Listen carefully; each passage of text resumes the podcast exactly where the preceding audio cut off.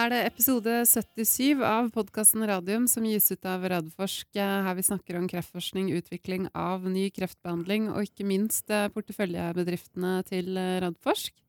Velkommen i studio, Jonas Einarsson. Tusen takk, Elisabeth. Ja, så har vi ingen gjester i dag, og det er fordi det har skjedd så mye med selskapene som vi har lyst til å prate om selv. Vi har lyst til å kommentere litt nå, og Ja. så skal vi få utfyllende kommentarer senere. Ja. Så eh, Targovax, som er det selskapet vi skal begynne å prate om, der kommer Øystein Saug og Erik Digman Wiklund 10. april for å fortelle mer utfyllende sikkert, kanskje, enn det, det vi kan. Ja, så Ja. kan vi spekulere litt og kose oss med noen kommentarer i mellomtiden. Ikke sant? Så eh, hvis vi begynner med den eh, avtalen som de har gått ut med at de har fått med Parker Institute. Ja, Ja, skal vi, eh, hva skal vi si her? her skal vi si, skal i hvert fall jeg si, at det Ja. syns jeg er veldig, veldig oppløftende. Og, og litt sånn recap på historien, så Ja. var det jo sånn at Targovax ble stiftet av Radforsk sammen med, med Jon Amund Eriksen i sin tid, på TG01-plattformen. Eh, nå er det jo kommet Okos-plattform og andre ting i tillegg, men nå skal vi snakke om TG01-plattformen. Og dette er jo en av disse kreftvaksinene, disse mm. peptidvaksinene. Ja, Som- rass. Ikke, ikke sant. ja. Eh, Som går på RAS-mutasjonen. og vi, vi, det ble egentlig identifisert tre sånne type targets av Gustav Gaudnak og co. tilbake på 80-90-tallet. Hvorav KRAS var en av de. Telomerase var en annen. Den utvikles i Ultimovax. Mm. Eh, og grunnen til at vi tok det opp igjen, eh, det var at vi oppdaget at vi hadde egentlig mye bedre resultater enn det vi trodde. Og det er denne retrospektive studien med disse 20 pasientene med fire langtidsoverlevere i opererte bukspyttkjertelkreftpasienter. Men vi hadde også data på inoperabel bukspyttkjertelkreft, som Mm. er en veldig dårlig prognose. Pasientene dør veldig fort. Det fins ingen type behandling. Vi har ikke klart å knekke koden om hvordan vi kan påvirke disse svulstene, som, som er veldig komplisert sammensatt og har antagelig mye forsvarsmekanismer som Mm. gjør de vanskelig å angripe. De er litt sånn ekstra smarte.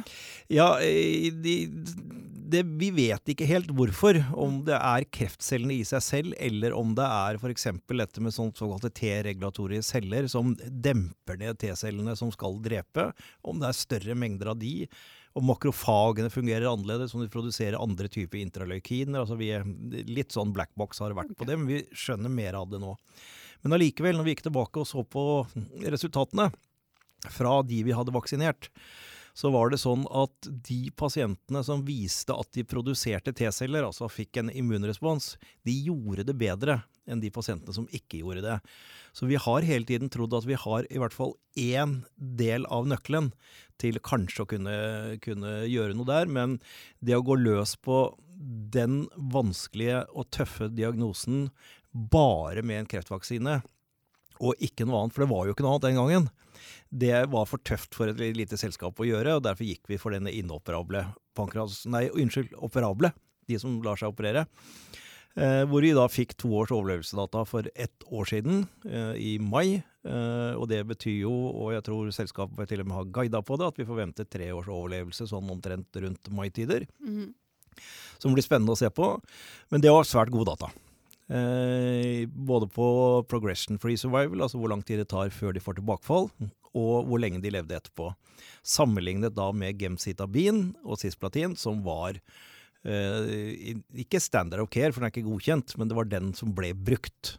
Eh, og disse dataene ble veldig positivt mottatt, både av det kliniske miljøet eh, og eh, altså Key Opinion Leaders og Big Pharma. Og så kom da den, disse Folfironox-studiene, som vi har Mhm. diskutert tidligere, eh, som var omtrent like gode.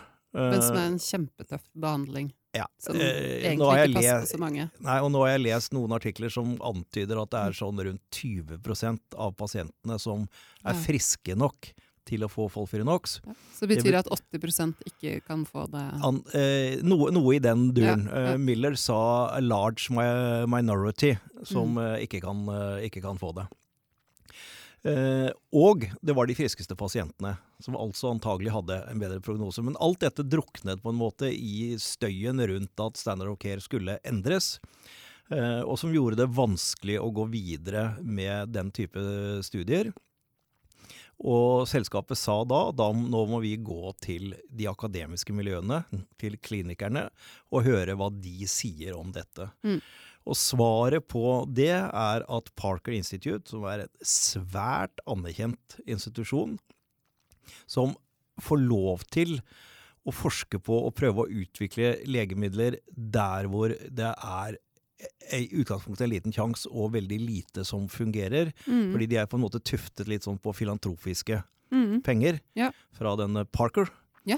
Eh, og de viste seg nå at de skulle sette i gang en studie på inoperabel bukspyttkjertelkreft med checkpoint-inhibitor. Mm. Eh, men så vet vi fra før at bare checkpoint-inhibitor har ikke vist veldig gode resultater, men lovende resultater tidligere. Mm. Og da var det Parker Institute som sa vi vil ha en kreftvaksine Ja. for å booste T-cellene, sånn at det ikke bare fjerner bremsen, men det også kommer nye T-celler inn. Og de kom til Targovax og sa vi vil ha deres vaksine. Det er, eh, det er litt sånn eh, Det er stort. Det, Jeg, klarte, jeg fant ikke på noe annet ord. Det er altså, det, er, det er noe helt annet enn om et av selskapene våre går og sier Hvis det hadde vært omvendt, Ja.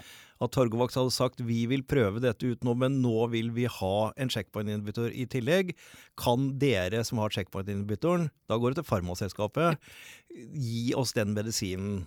Og så kan vi si at den medisinen koster en million per pasient, men det koster jo ikke det for eh, det farmasøytiske selskapet. Det koster jo svært lite. Mm. Så det er ikke så mye selskapet gir, selv om de gir tillatelse til det. Nei. Men her er det på en måte omvendt. Det er Ja. Parker Institute, en akademisk institusjon, som gjør det. Mm. Men allikevel så vil en sånn studie koste veldig mye penger. Yep. Og det eh, kan være et for stort løft for selv for å se som Parker Institute. Mm. Og da har de gått til Cancer Research Institute. Nettopp. Det er og hva, kult. Det er eh, enda kulere. Ja, Og hva gjør de? Fjær i hatten. Jo, de støtter nettopp denne type studier, som er initiert av et samarbeid mellom små selskaper og akademiske miljøer, og er med og sponser denne, stu denne studien. Torgevaks har ikke gått ut med noen beløp her. Det står at de skal delvis finansiere også selv. Det, det står en setning i pressemeldingen Targovax may also contribute by partial cost sharing of the trial S trials. De har ikke bestemt seg om det er en eller flere studier. Nei. Og så står det Eh, may, så ja. det er jo kanskje. Eh, Ja. Det CRA May. gjør da, generelt, det er at de sier at eh, et sånt selskap må kommittere seg. Ja. Så de må betale en sum når de starter. Mm. Det, Det, det er, ja, det er ikke all verden. Og så hvis du kommer lenger ut i klinikkforløpet, la oss si at du går fra fase 2 til fase 3, så må du også betale en sum. Men i forhold til totalsummen er det svært lite. Så. CRA, som jeg skjønner det, betaler det aller meste her. Så, sånn at dette er øh, både en gyllen mulighet for Targovax for å, for å komme seg på markedet med vaksinen, men også få det betalt av noen andre? Ja. Er det sånn å forstå? Ja, det er helt riktig. Så det er en kjempedeal, med andre ord. Det er, en, det er en veldig, veldig god deal. Og Ja. det er Har, har folk på børsen skjønt dette her, eller har de gått opp? Ja, de har det. Ja, så bra. Eh, eh, men, men om alle på en måte skjønner forskjellen mellom denne type samarbeidsavtale og en samarbeidsavtale hvor du bare får tilgang til medisinen Det, er, det commitmentet fra Park Institute og CRA er så mye mer. Mm. Uh, og det er liksom det som veier for meg. Uh, og det som er kanskje enda mer gledelig, er at vi nå faktisk skal teste ut noe som kan make a difference for pasienter med denne Ja. diagnosen. Så får vi ikke forskuttere noe på kliniske nei, nei, data og nei. sånn. Dette Men, må jo gå eh, sin gang. Men alt i alt syns jeg dette er veldig, veldig hyggelig. Ja, og, og jeg tror også det var en eller annen sånn oversikt nå over uh, altså hvilke kreftformer uh, som har, har altså dårligst tilbud, behandlingstilbud. Og det er jo bukspyttkjertelkreft er liksom øverst på den lista. Ja, og avansert prostatakreft. Ja. Det er liksom de to som står igjen før. Så ville du Mm. svart med en gang ja, det er eh, føflekkreft og det er lungekreft. Ja. Men der er vi nå oppe i 30-40-50 Ja. responser på immunterapi. Mm. Uh, og, og der har vi igjen å bruke kombinasjonen av f.eks. checkpoint og vaksine eller onkolytisk virus. Så mm, det er stor mulighet for at vi kan heve den Mm. enda mer. Men, eh, men uh, dette er en av de få hvor vi egentlig ikke har noen ting per i dag. Eh, også, men det er kommet et par andre meldinger også. Kanskje skal ta den på patent, som Targovax eh, også har en, eh, har en melding på. Det er sånn USA Ja, godkjent eh, Ja. TG02-patentet. Det er TG02 og TG03. Ja, det er Mhm. jo eh, svært viktig. Ja. Eh, for TG01 eh, så går jo patentet ut i disse dager, Mm. men det er en orphan drug indication Ja. på pankraskanser og TG01. da Så den, den, den- er safe home. mm. Men, men vi måtte få, Targovax måtte få en er- erstatning, eller et nytt nye patenter for å kjøre videre med TG02 og TG03. Ja. Uh, og in the end så kan det godt være at det blir en TG02 eller TG03 som brukes på alle kreftformer, fordi, Mm. fordi du, du bare legger til noe mer peptider på Ja. TG02 og, og TG03 etter hvert. Så, så det, det er bra. Men det, det betyr i hvert fall at uh, da har de beskyttelse og patentrettigheter. Ja. Som Og det er, det er kjempeviktig når man skal utvikle behandling. Uh, og siste melding som har kommet der, det er jo at de har gitt Seluna eh, et annet selskap i Radfors sin portefølje en lisens til uh, IR der også. Ja. Seluna jobber med det som heter uh, TCR, T-cellereseptor. eh, Som er på en måte den videre utviklingen av eh, dette med ren celleterapi. Hvor vi jo da de siste dager har hørt veldig mye om CAR-10 og Ja, det tenkte vi skulle komme litt Emily tilbake Whitehead til det. dette. Ja.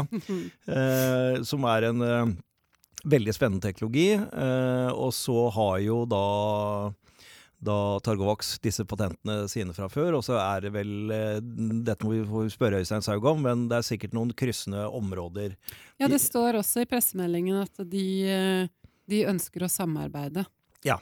Mm, på, på å finne mer og utvikle sånne rask T-cellereseptorer.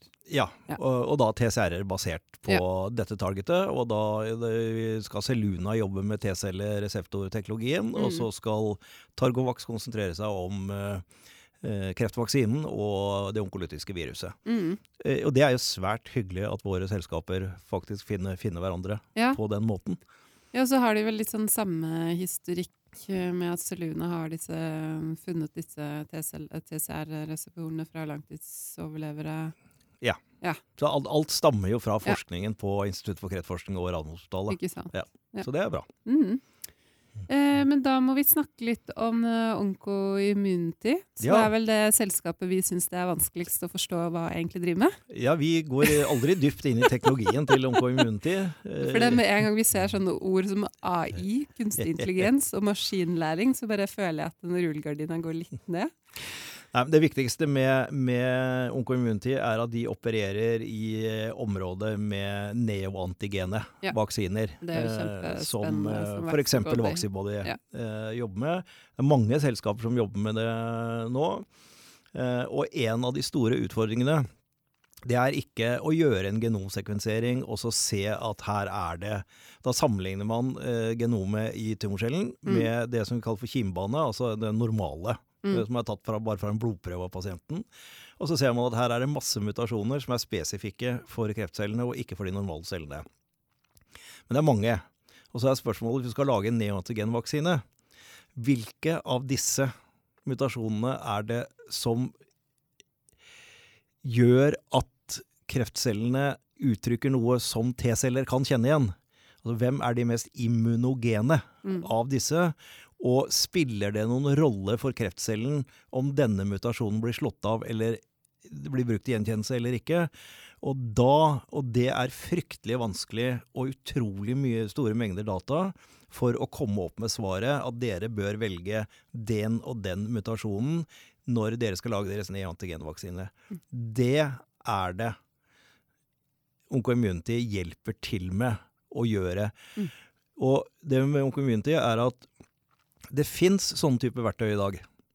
Men de er akademisk utviklet, eh, og ikke i eh, kommersiell setting sånn sett, Mm. og er for dårlige. Ja.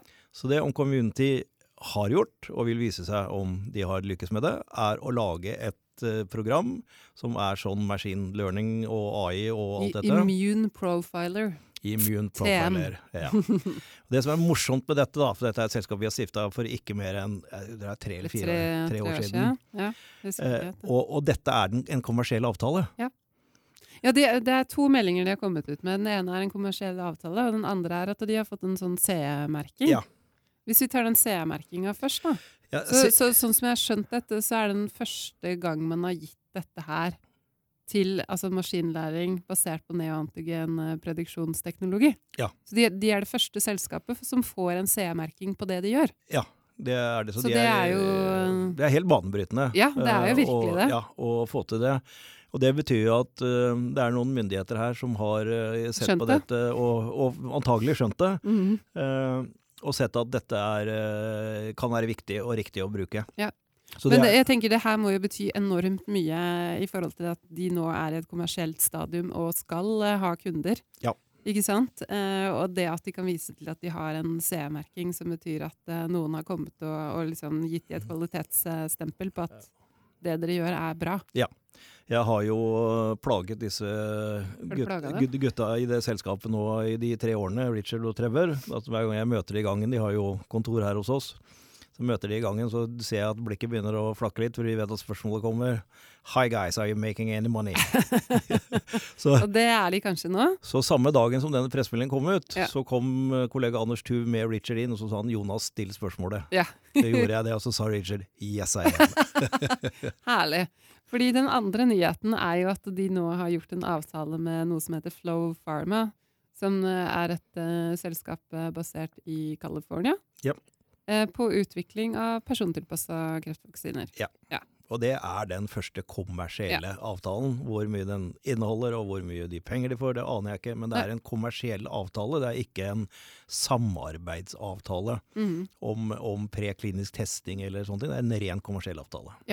Og det, hvis du skal sitere Richard, eller lese det han har sitert på i, i pressemeldingen, så står det «This exciting partnership and licensing deal represents a fantastic opportunity for OncoImmunity to apply its immune profiler prediction software to the Flowvax technology in a clinical setting».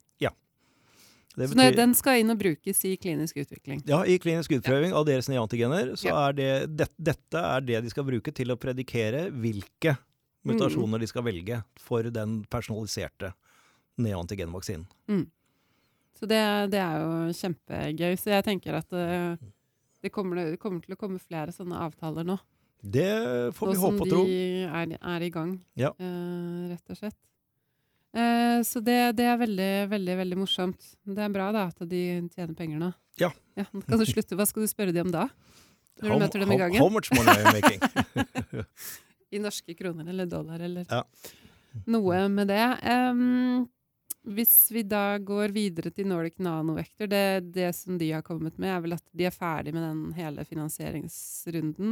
Mhm. Ja, for de har hatt en sånn, hva er det heter for noe? Ja, re- re- Reparasjonsemisjon. reparasjonsemisjon, som eh, jeg husker ikke tallet, men Nei, eh, ikke den innbrakte ikke så veldig mye ekstra, rett og slett fordi at eh, kursen var under emisjonskursen. Ja. Eh, men jeg ser til min glede nå at nå er den over emisjonskursen. Okay. Så de som har vært med på emisjonen og betalt 45 kroner eh, for aksjen, de har i hvert fall vært 47 før vi gikk i studio i dag. Ja. Så det peker i hvert fall i riktig retning. Ja, Så bra. Eller utenom det så er det vel ikke noe nytt fra, fra Nordic, tror jeg. Nei. De jobber vel på med, med studiene sine. Um, Photocure, der de har vært jo representert på en sånn internasjonal konferanse i Barcelona Ja. med gode e E- data. EAU, Ja, uh, som er den største i Europa. mm, på urologi. På urologi. Ja. Ja, Uh, ja uh, det, det var eh, Jeg og navn er Lotain, var det det han het? Han herr professoren som eh, holdt den eh, den, eh, det var det. eh, presentasjonen. Eh, det er en oppdatering på resultatene som jo var den store surveillance-studien som de fikk, fikk indikasjonen på overvåkningsmarkedet.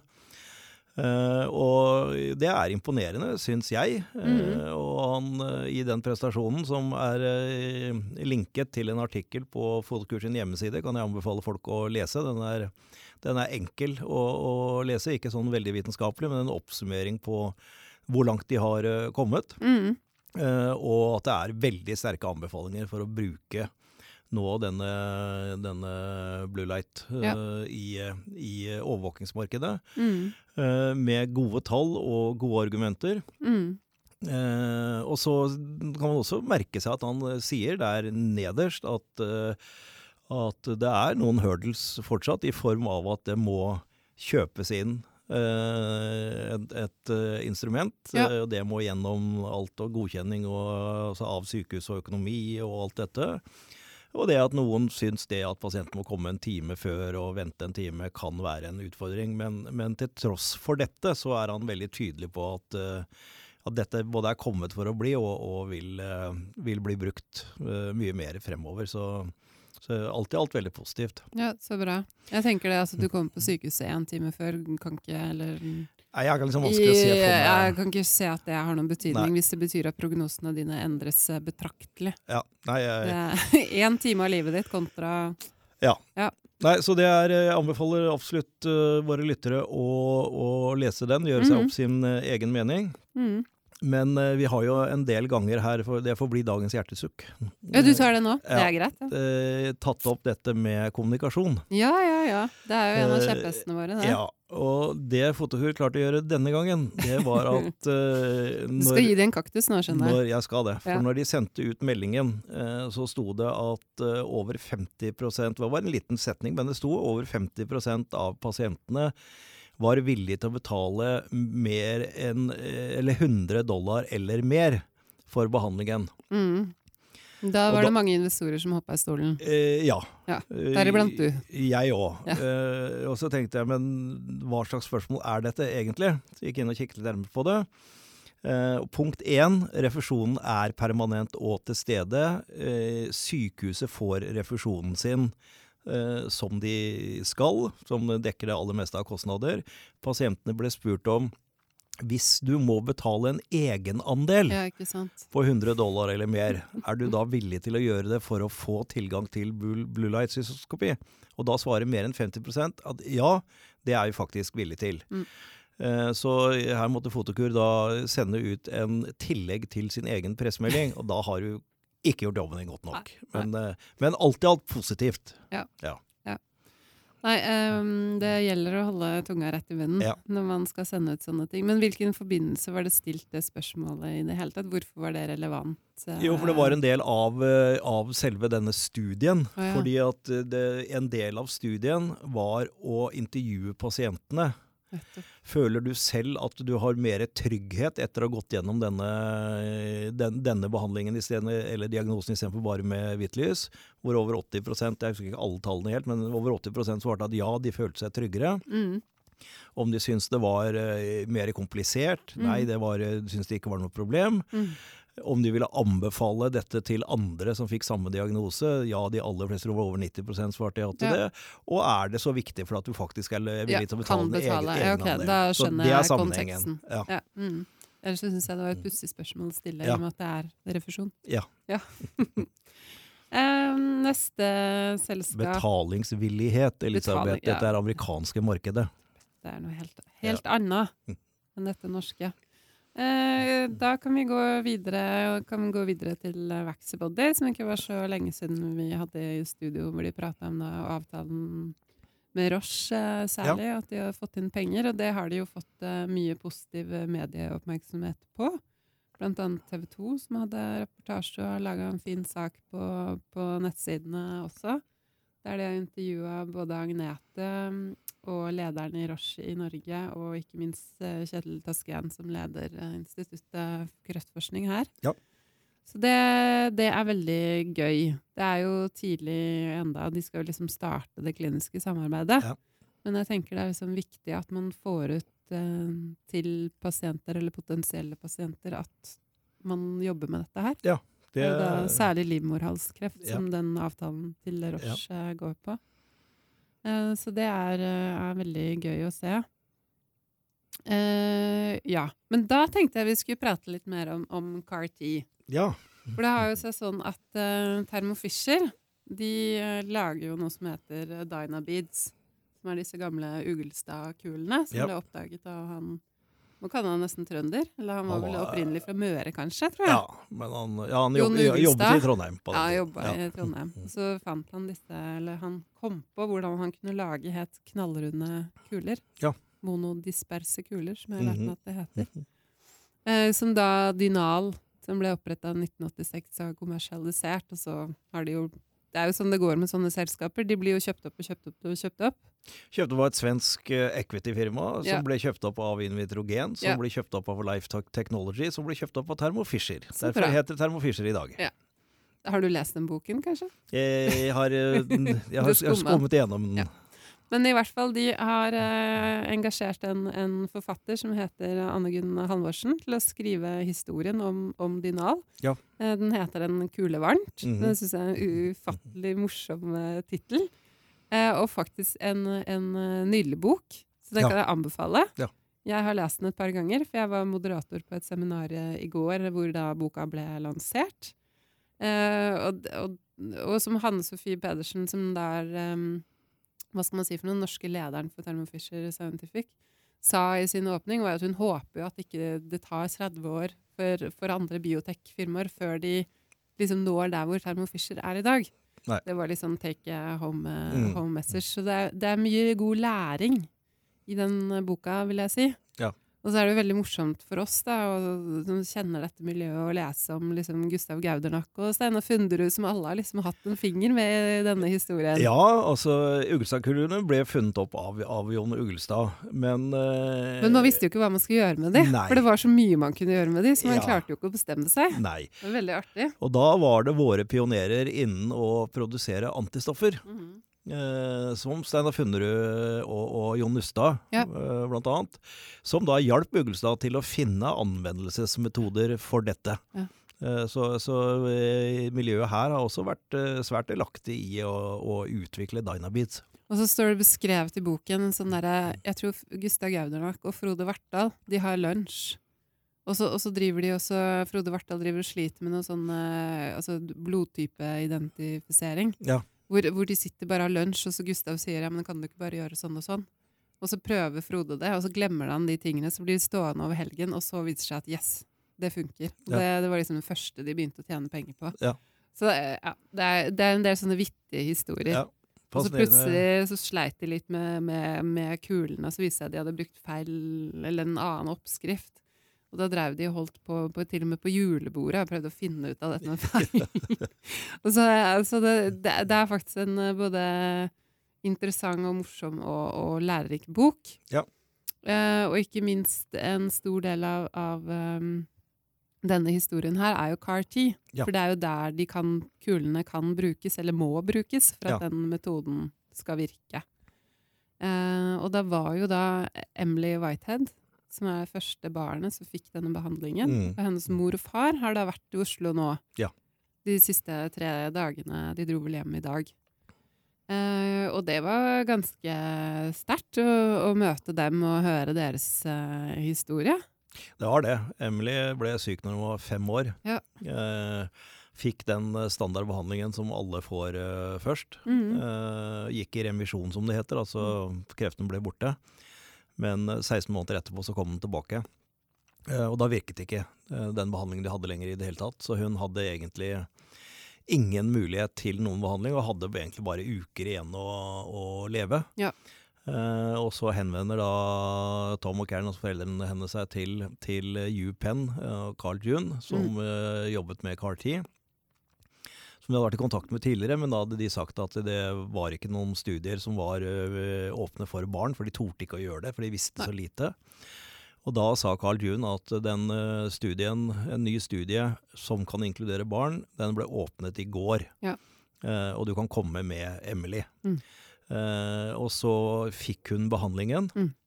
Så blir hun Eh, kjempedårlig. Blir veldig, veldig dårlig. Hun får dette som vi kaller for cytokin Dessverre så stopper podkasta her nå, ettersom vi har hatt noen tekniske problemer, og at lydfilene har blitt ødelagte. Vi beklager dette, og tusen takk for at dere hørte på.